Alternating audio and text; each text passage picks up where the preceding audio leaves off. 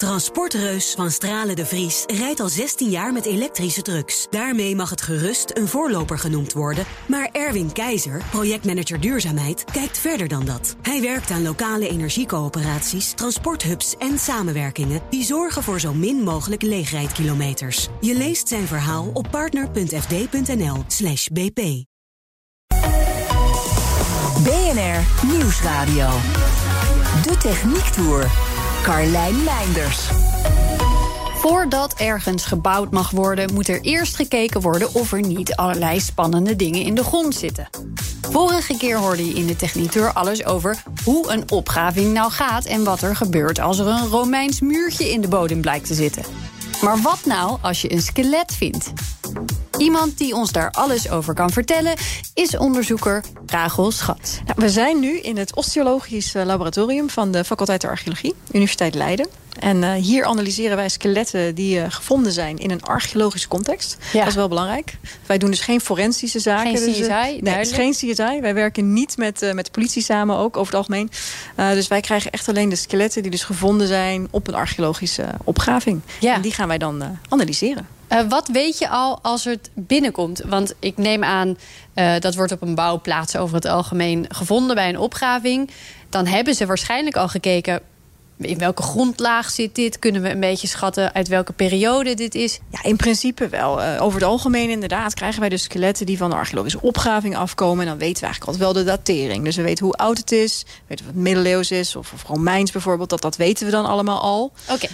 En we weten soms ook al welke botten er gevonden zijn. Want dan krijgen we vaak een soort, wat ze noemen een grafformulier. Dat wordt dan meestal in het veld ingevuld. Okay. Dus we weten ook al een beetje hoe, hoe de persoon is, uh, is aangetroffen. Dus hoe deze begraven was. Maar hoe compleet we... iemand ja, is, zeg maar? Hoe compleet, want het is, in principe ga je er natuurlijk vanuit dat iemand... Uh, in zijn heel is begraven. Goed punt, ja.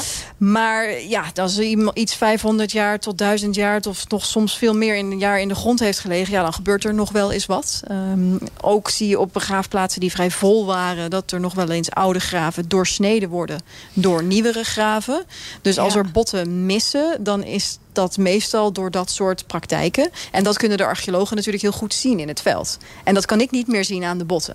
Dus het is inderdaad heel fijn als die informatie er, uh, er wel bij uh, is. Ja. Ja, en het is natuurlijk niet zo dat iemand dat dan ook netjes op volgorde voor je klaarlegt. In een, in een bouwpakketje. Nee, kijk, nee, we krijgen het uh, als met een beetje mazzel zijn de botten gewassen. Maar dat, dat gebeurt ook niet altijd. Uh, maar als we ze krijgen, zijn ze wel gewassen. Maar dan zitten ze uh, ja, vaak gewoon nog Door door, elkaar. elkaar. Ja. al zeker als er niet iemand naar gekeken heeft met mijn, met mijn osteologische achtergrond. dan zitten ze gewoon door elkaar. Dus dat is eigenlijk, dan begint het de puzzel. En dan is het aan ons de taak om dus de skeletten netjes neer te leggen. Dus links bij links en rechts bij rechts. En kijken of alle botjes uh, aan de hand niet gemixt zitten met de voet. En, en, en dat Ah, soort dingen. ja, ja. Dus dat is eigenlijk onze eerste stap. We krijgen dus zo'n persoon binnen. En die gaan wij dan eigenlijk weer in elkaar zetten. Ja. En daarvoor heb je natuurlijk die, die anatomische kennis uh, nodig. Ja. Je kan natuurlijk alles opzoeken in een boek. Maar dan duurt zo'n skelet uitleggen. Ja, dat kan ik me voorstellen. dat duurt heel even. Dus, Dus je moet eh, gewoon weten onderarm of bovenarm, et cetera. ja, dat moet je weten. En het liefst ook de handen en de voetpotjes. Want dan eh, schiet het tenminste een beetje, een beetje op. Ja. En dan heb je dus daar ja, hopelijk een eh, kwartiertje, twintig minuten... heb je een heel skelet Oh, dat vind ik heel netjes netjes hoor. liggen. Nou, het ligt een beetje aan hoe, hoe goed de conservering ook is. Ja. Als de botten gewoon eh, intact zijn, dus niet gebroken... en niet heel veel kleine fragmentjes... dan gaat het echt wel redelijk snel. Dan zou Ja. ik willen zeggen dat het zelfs nog sneller kan. Maar is er veel schade aan de botten... dus bijvoorbeeld de ribben en de wervels, die zijn vrij fragiel... Oké. Dus als ja, de conservering iets minder goed is... en je ziet dat die botten beschadigd zijn... Ja, dan duurt het wel wat langer om die, die puzzel zeg maar, eh, zeg maar, te maken. Want dan moet je inderdaad ribben aan elkaar gaan plakken soms... met een beetje tape en, en wervels bij elkaar Een zoeken. beetje leuk, toch? Het is, het is leuk, maar ja, dan, dat duurt het wel een stuk, eh, stuk langer. Ja, kan ik me voorstellen. Hoe zit het met hoe lang botten bewaard kunnen blijven? Is er een soort punt waarop ze in welke aarde dan ook toch afbreken? Nee, nee, eigenlijk niet. Het is echt namelijk heel erg afhankelijk van de vondstomstandigheden. Dus inderdaad, net wat je zegt, van de grond. Ja. En, en hoe zuur de grond is en, en, en dat soort dingen. Dat is ontzettend belangrijk voor de kwaliteit van het botmateriaal. In, in klei bijvoorbeeld eh, blijven botten heel goed bewaard. Eh, in zandgronden een stuk minder. Dan gaat het veel sneller. En dan heb je dus skeletten die maar misschien 200 jaar oud zijn. Die zijn al praktisch helemaal vergaan. En dan vind je de tanden nog terug.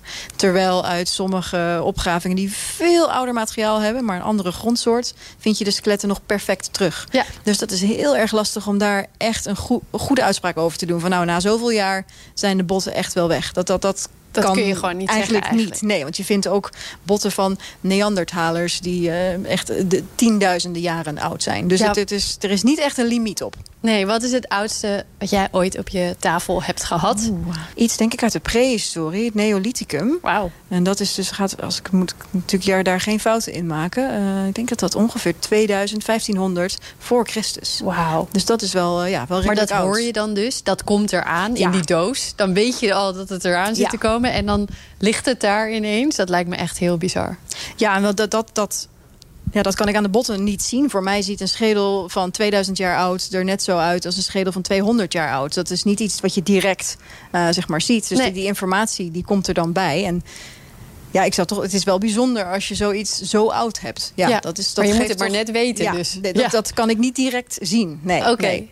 Eh, maar er liggen hier wel wat dingen voor ons op tafel. Klopt, ja. Ehm, en daar kun je wel een heleboel dingen aan zien. Ja, want wat we hier dus inderdaad hebben... is allemaal wat, wat recenter materiaal. Dus eigenlijk allemaal middeleeuws of eh postmiddeleeuws. Dus dat is vanaf 1600 tot gemiddeld 1830. Ja. En daarna stopten ze met in kerken en in steden echt begraven. Dus vanaf daar gaan de meeste begraafplaatsen naar buiten de stadscentra. En daar wordt eigenlijk niet echt opgegraven. Dus die liggen er gewoon nog. Ja. Dus wat wij hebben meestal in dit soort laboratoria... is tot ongeveer 1830.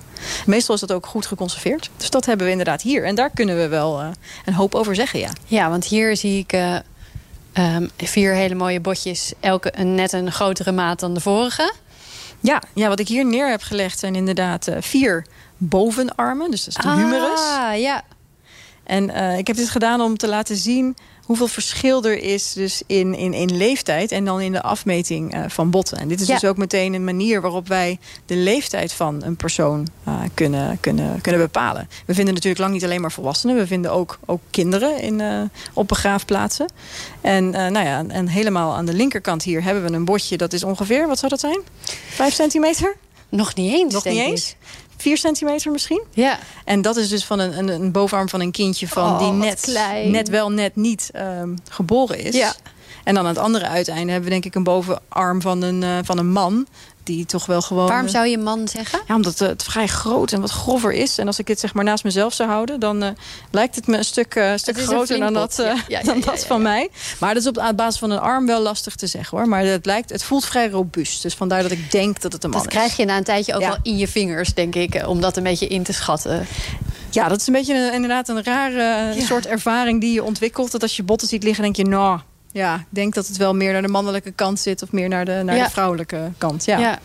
En eh, nou, hier, dit verschil is heel duidelijk te zien. Dan kun je ook best wel vergelijken met hoe kinderen nu groeien. Ehm, maar dat lijkt me best moeilijk, want je hebt die data niet uit die tijd.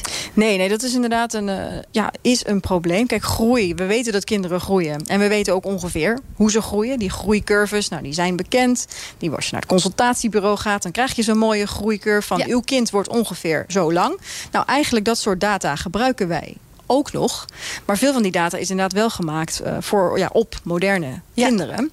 En hoe goed die toepasbaar is op oud materiaal, op middeleeuws, op postmiddeleeuws materiaal, dat ja, weten we niet helemaal eh, zeker. We doen wel eens wat testen en daar blijkt toch wel dat het niet altijd helemaal geweldig eh, klopt. Want hoe controleer je dat dan, of het klopt? Nou, we hebben wat collecties eh, gevonden waarbij we weten wie het zijn. Eh, Ah. dus er bestaan er een aantal eh, ter wereld. Eh, in Engeland hebben ze er een aantal. En waarbij er dus een soort van, wat ze zeggen, de, de grafdata is nog beschikbaar. Ja. Dus dat is eigenlijk voornamelijk uit de meest recente periode. Dus dan hebben we het echt over inderdaad 19e eh, of 18e eeuwse skeletten. Waarbij er dus nog of kistplaten zijn gevonden met namen erop en geboortedata en dan sterfdata.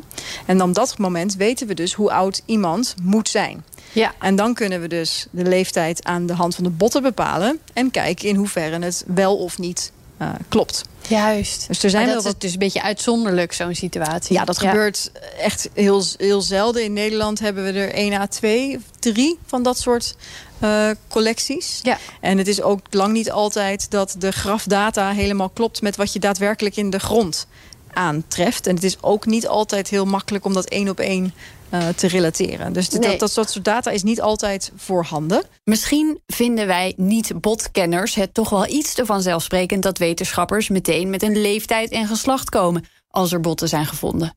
Het is nog niet zo makkelijk.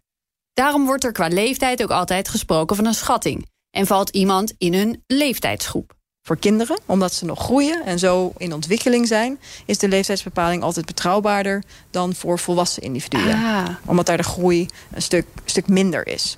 Ja, want op een gegeven moment is je skelet uitgegroeid, Ja, denk ja. ik. Ja, dan- Waaraan kun je dan nog zien of er verschil is tussen 30 en 50 bijvoorbeeld?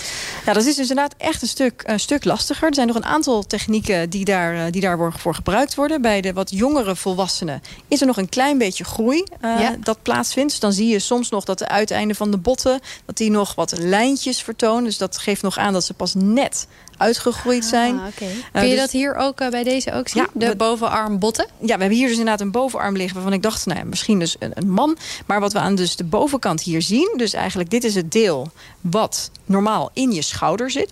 En eh, hier zien we dus nog een lijn. Dus we zien nog een hele mooie duidelijke lijn lopen... met dus de bovenkant van het bot... en eigenlijk ja, de, de, de schacht van het bot, zeg ja, maar. Alsof het er als een dopje op is gezet. dopje op zit. En Ja. als de, deze persoon ouder was geworden... was dat lijntje volledig vervaagd. Oké. Dus dan zie je dat dopje eigenlijk niet meer. Dan is het gewoon echt één geheel. Ja. En nu zie ik nog echt heel duidelijk de lijn van dat, ja, dat dopje als het ware. En dat doet mij vermoeden dat dit dus nog niet zo lang geleden gebeurd is. En ik weet dat dit dopje, dus het uiteinde van, het, eh, van, deze, van deze bovenarm... die gaat vastzitten tussen de 19 en de 21 Ah. gemiddeld. Dus dan weet ik dat deze persoon nou, ergens omtrent... waarschijnlijk aan de oudere kant, dus een jong volwassene is. Ja. Tussen de 19 en de Ja, 25. dit moet je, deze informatie moet je wel echt gewoon weten. Wil je dit soort schattingen kunnen maken? Dus dit, dit is gewoon een- echt een vak apart, hè? Dit is niet iets wat iedereen ook standaard bij de archeologie eh, Nee. leert. Of dit is echt een specialisatie. Ja. En eh, natuurlijk is dit beschreven. En eh, als je een goed boek hebt, kan iedereen het hoor, moet ik eerlijk Plaatjes zeggen. ernaast Plaatjes leggen, ja. ernaast. Maar het is natuurlijk wel, er is heel veel informatie. En er is ontzettend veel wat je aan het skelet kan zien. Dus ik zou, dit is wel echt inderdaad een vak apart. En daarom hier bij op de Universiteit Leiden kan je er ook al vanaf je tweede jaar echt in gaan specialiseren. Oh, wauw, ja. Dus dan krijg je al vanaf je tweede jaar extra cursussen erin. We hebben een volledige aparte masterrichting. Dat is vrij uniek volgens mij, toch? In Nederland zeker, ja. In Nederland zijn we de enige die eh, de masterspecialisatie hebben in dit, in dit vakgebied. In het buitenland is dit iets, iets gebruikelijker. Is dit een grote opleiding? Kiezen veel mensen dit en is er veel ruimte voor, zeg maar? Eh, veel mensen kiezen dit. We noemen het af en toe nog een beetje het CSI-effect. Ah ja, dat kan ik me Ehm, voorstellen. Die denken toch dat er iets met politiewerk eh, bij te pas kan Ja, komen. goed. Kijk, eh, ik snap ze wel. Laat ik het zo zeggen. Kijk, ik vind het natuurlijk zelf ook fantastisch interessant. Ehm, en als je ja, het verleden beter wil leren begrijpen... en het menselijk verleden, wat is dan het mooiste? Dan kun je gewoon kijken naar de mensen zelf. Ja. Dus ik vind het een prachtig vakgebied eh, daarom. En ik denk dat veel mensen dat hebben. Het fascineert heel veel mensen. En dus ook heel veel studenten. Dus inderdaad, we zien dat mijn specialisatie in de, in de bachelor... dus in de eerste twee, drie jaar, zit echt wel vol. Ehm, en ook in de master hebben we eigenlijk altijd wel echt veel studenten die dit, eh, die dit kiezen. Dus het is een populair eh, vakgebied. Is er ook genoeg werk?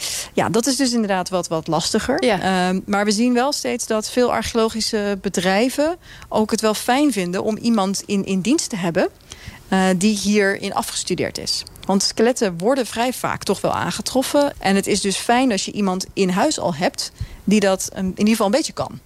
Ja, die Eh, kan schatten hoe, hoe wat- wat bijzonder je- is ja, dit. Wat moet je nu doen? Welke Ja. stappen moeten er nu genomen worden? Die al een eerste analyse bijvoorbeeld zou kunnen doen. En dat je dus niet voor elke keer als je skelet vindt... iemand zoals ik zou moeten bellen. De Techniek Tour. Nou is het zo dat je, als je zo'n skelet vindt op je bouwplaats... die botten niet gewoon in een container mag gooien. Daar zijn protocollen voor. Alleen is het analyseren van botten ook weer niet top of mind... bij het maken van een projectplanning. En dat botst een beetje. Ja, skeletten opgraven is echt wel... eh, ja, dat is tijdrovend. Want Ja. eh, een, een menselijk skelet heeft 206 botten. En die willen we idealiter allemaal in het lab hebben. Ja. En we willen ook weten hoe deze persoon begraven is. We willen ook weten wat er Ja. allemaal is. Ehm, dus ja, zo'n skelet blootleggen, netjes fotograferen, goed documenteren. Nou, dat kost tijd. Ja. Dus inderdaad, dat is in het commerciële werkveld... ja, er is helaas niet altijd genoeg eh, tijd voor. Ik heb zelf ook wel vaker commerciële opgravingen gedaan. En dan ja, moet je soms echt opschieten... om te zorgen dat je het op tijd, eh, op tijd af hebt. Moet er dan niet gewoon meer rekening mee gehouden? Nou, Ik weet wat jij gaat zeggen, maar moet er niet gewoon meer rekening mee gehouden worden? Dat dat er gewoon onderdeel is van dat project? Ja, nou ja, dat, dat gebeurt in zoverre dat kan. Maar archeologie, en dat is ook wel het leuke van archeologie... is natuurlijk altijd een beetje... Je weet nooit echt wat je vindt. Nee. dus dan is de schatting... we vinden tussen de 150 en de 300 skeletten. Dat was op een van de opgravingen waar ik stond. Maar toen vonden we er 500. Ja, en dan moet nog steeds in hetzelfde, In hetzelfde tijdsbestek. Ja. want je zit met een aannemer en dan komt een aannemer... en die wil hem wegleggen. En, nou, al dat soort dingen. Dus je bent echt eh, ja, bezig om het weg te halen voor de bouw over Ja. het algemeen. Dus een beetje onerbiedig. Maar ja, dat is wel vaak hoe het gaat. Dus eh, de schattingen kloppen gewoon niet altijd. Nee. Ehm, dus ja, er moet meer tijd voor zijn. Maar dit, dit, dit zal nooit echt genoeg tijd zijn. Nee. het, is, het gebeurt mij maar echt zelden dat je komt... oh, nou, we hadden eigenlijk tijd zat om dit te Het doen. zijn er vijf in plaats van honderd. Neem je 100, ja. tijd. Ja, Ja. nee, dat, dat heb ik nog nooit gehoord dat dat gebeurt. eh. Even terug naar die tafel met botten. Want ik kan mijn ogen er bijna niet van afhouden. Een gebitje ligt al enige tijd naar mij te grijnzen. Ja, ja. Nou, hier liggen inderdaad een, een onderkaak en een, een bovenkaak... van eh, twee verschillende eh, kinderen van verschillende leeftijden. En waar kun je dat aan zien? Nou, aan de ene kant hebben we hier dus dat onderkaakje. En Ja. wat ik hier dus zie, is dat we eh, nog melktanden hebben... Ah, en een permanente tand die Ja. aan, het, eh, aan het doorkomen is. kiezen zijn het denk ik, hè? Ja. ja, dus we hebben hier nog twee melkkiezen. Die steken een beetje naar boven die uit. zitten echt in je mond al, zeg maar. Dus stel nou dat we deze persoon nog met vlees zouden zien... dan zitten deze tanden zijn zichtbaar in de mond. Ja. En de derde kies, dat is eigenlijk dus je eerste echte vaste kies... die is aan het doorkomen. Dus als je in de mond van dit kindje zou kijken... zou je Ja. die nog waarschijnlijk net niet net wel Ja. eh, zien. Dus die is echt nog bezig met doorkomen. En nou ja, dat gebeurt natuurlijk op hele gezette tijden in iemands ontwikkeling. Eh, dus op basis daarvan kunnen we de leeftijd van dit, eh, van dit kindje wel, wel bepalen. En dat is wel, dat is wel heel mooi. Ja. En die hiernaast, die is dan wat ouder. Ja, die is inderdaad wat ouder. Want hier hebben we dus een bovenkaak waarin ik al twee permanente vaste kiezen dus, dus zie zitten. Die zijn volledig doorgekomen. Ja. Dus die zijn eigenlijk al, al af. En dan helemaal achteraan zie ik hier dus een, een, een derde kies nog aan het doorkomen. En dat is dus de verstandskies. Ah, ja, Zoals veel mensen tuurlijk. weten is die heel variabel. Soms komt die helemaal niet door of soms blijft die zitten. En dat is een beetje dramatisch dan. Eh, maar in, in het verleden zien we daar iets minder problemen mee. En eh, deze kies is dus nog aan het doorkomen. Dus dan weten we dat die persoon minimaal een soort van 15, 16 is eh, tot 18, 21. Dus echt een, een, een adolescent. Twee schedels. Twee schedels, ja. Deze twee schedels heb ik hier neergezet. Omdat deze een heel mooi voorbeeld zijn van een mannelijke schedel en een vrouwelijke schedel. Wat een verschil ook in grootte meteen. Ja, dat valt ook wel op. Hè? Ja, ja, dit is inderdaad. eh, ik heb dus ook wel voorbeelden gekozen dat die snap ik. niet meteen ertussenin zitten. Want het is echt wel heel lastig hoor om geslacht te bepalen. Mensen denken altijd dat je hebt of een mannelijke schedel of een mannelijk lichaam of een vrouwelijk lichaam. Maar er is eigenlijk ontzettend veel variatie Ja. in het midden. En wat hier denk ik heel goed zichtbaar is, zeker als ik deze mannelijke schedel er dan dus naast zet, is het voorhoofd. Het voorhoofd van deze vrouw is heel plat en gaat echt recht omhoog. Ja. Terwijl als je dan naar deze man kijkt, zien we dat hier er wat meer bobbels zitten bij de wenkbrauwen. Dus Ja. dat is echt wel iets wat mannen veel hebben. Dat er dus onder de wenkbrauw van vrouwen zit eigenlijk, ja, zit wel bot natuurlijk, maar dat steekt. Voel meteen niet- even, hoor. Ja, iedereen even doen, dat is hartstikke leuk. Ja. Ja, dat steekt een beetje echt plat, uit. ja. Ja. dat is gewoon plat eigenlijk. Maar bij mannen zie je vaak dat die wenkbrauwen er echt een beetje uitkomen. En dat je dan pas overgaat in het voorhoofd. En op het achterhoofd zien we eigenlijk hetzelfde gebeuren. Als ik draai nu die schedels even om. Ja. En dan zien we, blijf liggen, zien we dus hier een, een bobbel op het achterhoofd zitten. En ook een soort richel hier. En dit is dus echt fantastisch wat je dus kan zien bij, eh, bij kale mensen. En dit is dus ongeveer ter hoogte van als je een paardenstaart zou indoen. Daar moet dus bij mannen ongeveer een bobbel zitten. En bij vrouwen is dit over het algemeen dus glad. En waarom is dat nou zo? Het heeft alles te maken met de grootte van de spieren die aanhechten op dat punt van de schedel. Die zijn bij de gemiddelde man een stuk groter en hebben daarom een groter anker nodig. Om diezelfde reden hebben mannen vaak ook nog een botbobbel achter het oor. Voel maar even. De naden op een schedel kunnen weer wat zeggen over leeftijd. Hoe ouder, hoe minder je de naden tussen de schedeldelen ziet. Een schedel vertelt dus al heel wat. Maar wil je het geslacht bepalen, dan zegt het bekken nog een stuk meer. Want hoe groot of klein je spieren ook zijn, Ben je een vrouw, dan is je bekken waarschijnlijk gebouwd op het baren van kinderen. Je kunt echt enorm veel aflezen aan botten. Iets waar Schat zelf graag onderzoek naar doet, is ziektes. Artrose bijvoorbeeld, reuma, botbreuken, zelfs een vitamine D-tekort. Je kunt het enorm goed zien. Zelfs iets als malaria. Maar daar hebben we hier toch helemaal geen last van. Dat hoor ik inderdaad heel veel. En ik moet ook heel eerlijk zeggen, toen ik hier nou, zes, zeven jaar geleden mee, mee begon... toen zei uh, een professor, professor George Maat, zei tegen mij... van nou, wat, uh, wat je nu in het skelet ziet, dat zou ook wel met malaria te maken kunnen hebben. En ik denk echt, ja, Nederlands skelet, malaria... Huh? Gek. Ja. Gek, heel raar. Dus daar ben ik toen helemaal ingedoken. En toen bleek inderdaad, nou ja, malaria is gewoon tot 1950 in Nederland een groot probleem.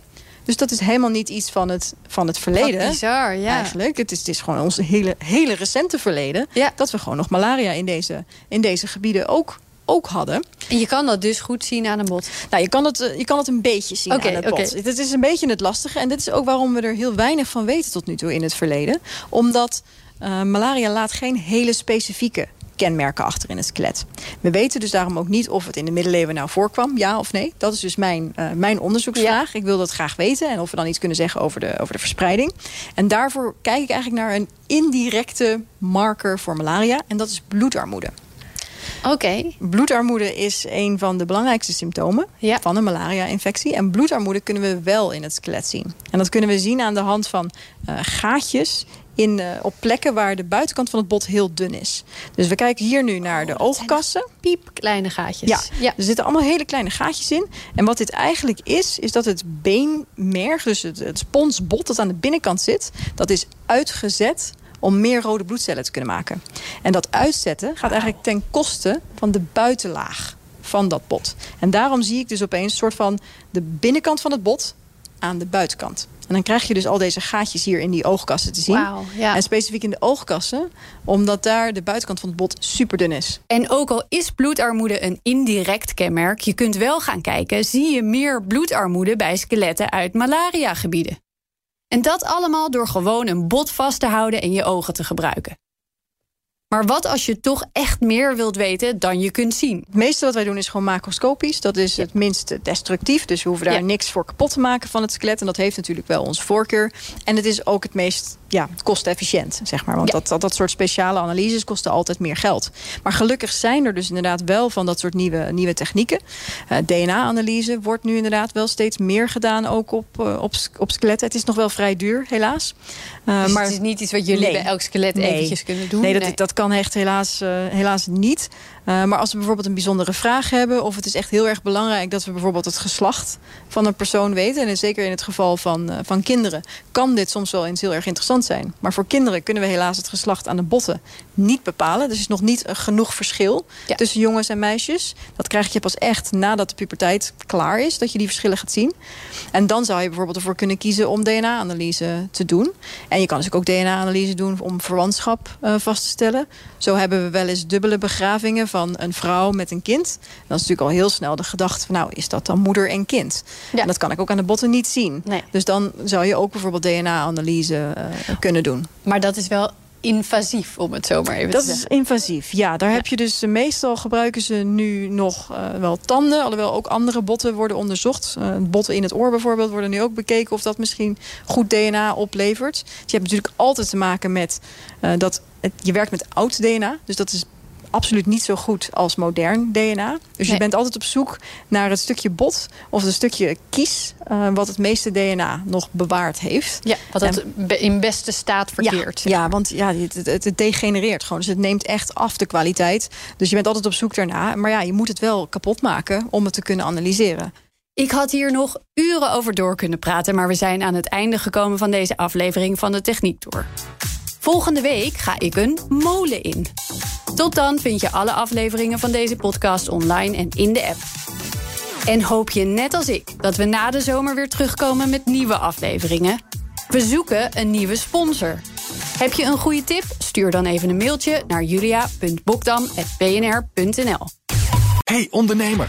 Zorg voor een sterke financiële basis en meer omzet... door je facturatie, debiteurenbeheer of incasso uit te besteden aan de Nova Groep. De Nova Groep? Ja, de Nova Groep. Kijk op novagroep.nl.